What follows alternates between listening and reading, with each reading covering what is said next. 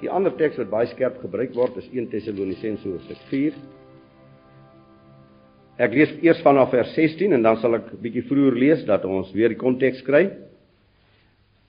Dit is 1 Tessalonisense 4 vers 16 want Jawe self sal van die hemel neerddaal met 'n geroep met die stem van 'n aartsengel en met die geklank van die basuin van God. En die wat in die Messia gesterf het, sal eerste opstaan. Daarna sal ons wat in die lewe oorbly saam met hulle in wolke weggevoer word Jawe tegemoet in die lig en so sal ons altyd by Jawe wees.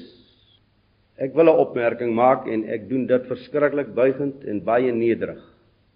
Wanneer ons na die apostels luister ten opsigte van die wederkoms, dan wil ek vir u sê dan skep hulle vir my persoonlik probleme. Dis baie moeilik om waar te neem Hoe het hierdie apostels werklik die wederkoms gesien? Hoe het hulle dit werklik verstaan? Baie duidelik nommer 1 het hulle dit baie spoedig gesien en daardeur ook foute gemaak. Soos die een fout wat hulle gemaak het. Deurdat hulle almal hulle eiendomme verkoop het en op 'n bondel gegooi het om omdat hulle geglo het dat Yeshua se wederkoms is baie spoedig. En dit het 'n verskriklike probleem geskep in die eerste gemeentes wat ontwikkel het hierdie gesamentlike eten saam bly uh, om te wag op sy wederkoms. Nou wanneer 'n mens Paulus lees, dan uh, kry jy lyne pragtig deur, maar daar is ook dinge wat 'n bietjie onduidelik is. Nou sê Jaweh self sal van die hemel neerdal, daarmee het ek 'n pro probleem nie. Dan die wat in die Messia gesterf het, sal eerste opstaan. U en ek weet vanmôre en glo vanmôre vanuit die skrif dat die opstanding die oopmaak van die doderyk het reeds plaasgevind in Yeshua die wat in die doderyk was wat syne was het uitgehaal uit die doderyk en saam met hom geneem na die paradys. Hulle is vandag in die paradys en nie in die doderyk nie. As ons hierdie woorde gaan ontleed in die skrif, dan sal ons sien dis verskillende plekke. Die paradys en die doderyk is glad nie dieselfde plek nie. So hier verstaan mense nou Paulus nie baie duidelik nie. Hoekom? Hy self 'n man wat gesê het hy's haastig om te weet waar Yeshua is. Nou Yeshua is beslis nie in die doderyk nie. So mens verstaan nie hoekom hy dit hier so gestel het nie. Daarna sal ons wat in die lewe oorbly saam met hulle in wolke weggevoer word. Nou 'n wolke weggevoer word, dit skep ook 'n wanbegrip vir my wat ek daarmee verstaan en dit is my siening. U hoef nie daarmee saam te stem. In die uh in die goeie tyd het hulle 'n predikant altyd buitekant die dorp ontvang. Baie pragtige gebruik geweest en hulle het hom ingebring in die gemeente en dis dieselfde wat ek hier waarneem. Ons lees dit in die gelykenis van die maagde dat die maagde gaan uit. Dit is die leraars in die beeld van die skrif en hulle bring die bruidegom in na die bruid toe.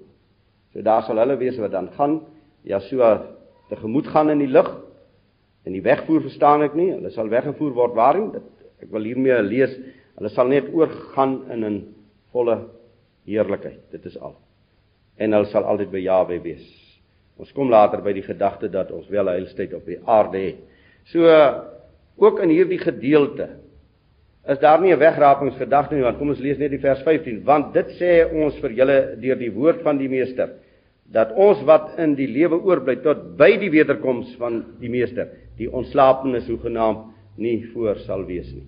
So dit gaan hier oor weer oor die wederkoms. Jy sien daarom skep die wegrapers aan eerste wederkoms en 'n tweede weer wederkoms om by hierdie teksverse by te kom. Maar hier is glad kom ek sê vir in hierdie skrif kry ek nie in gedagte van 'n wegraping van 'n sekere getal mense iewers of ander stadium in die in hierdie wêreld waarin ons leef nie.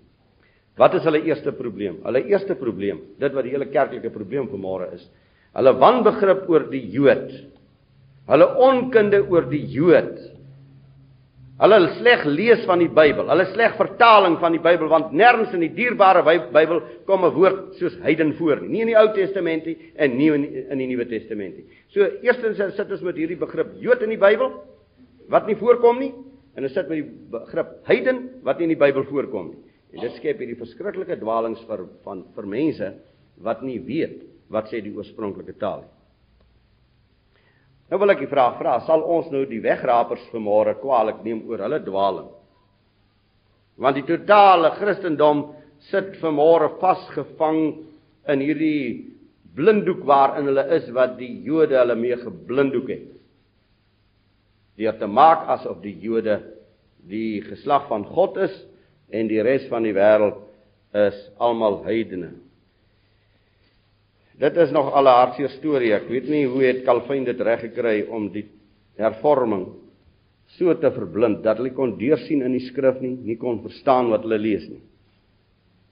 Maar ek sê altyd die plan van God is vir u en vir my nie duidelik nie want hy sê my gedagtes is nie julle gedagtes nie en my wie is nie julle wie nie. So glo al hierdie dinge moet maar plaasgevind het. Want as al hierdie dinge nie plaasvind nie, hoe sal die anti-kristelike mag op die ou en die aarde regeer as die volk van God helder geweet het wie hulle is en wat die woord vir ons leer. Nou uh u en ek glo heel anders vanmôre. Heeltemal anders as die gereformeerde leer oor die wederkoms en heeltemal anders as die Pinksterkerke oor die wederkoms.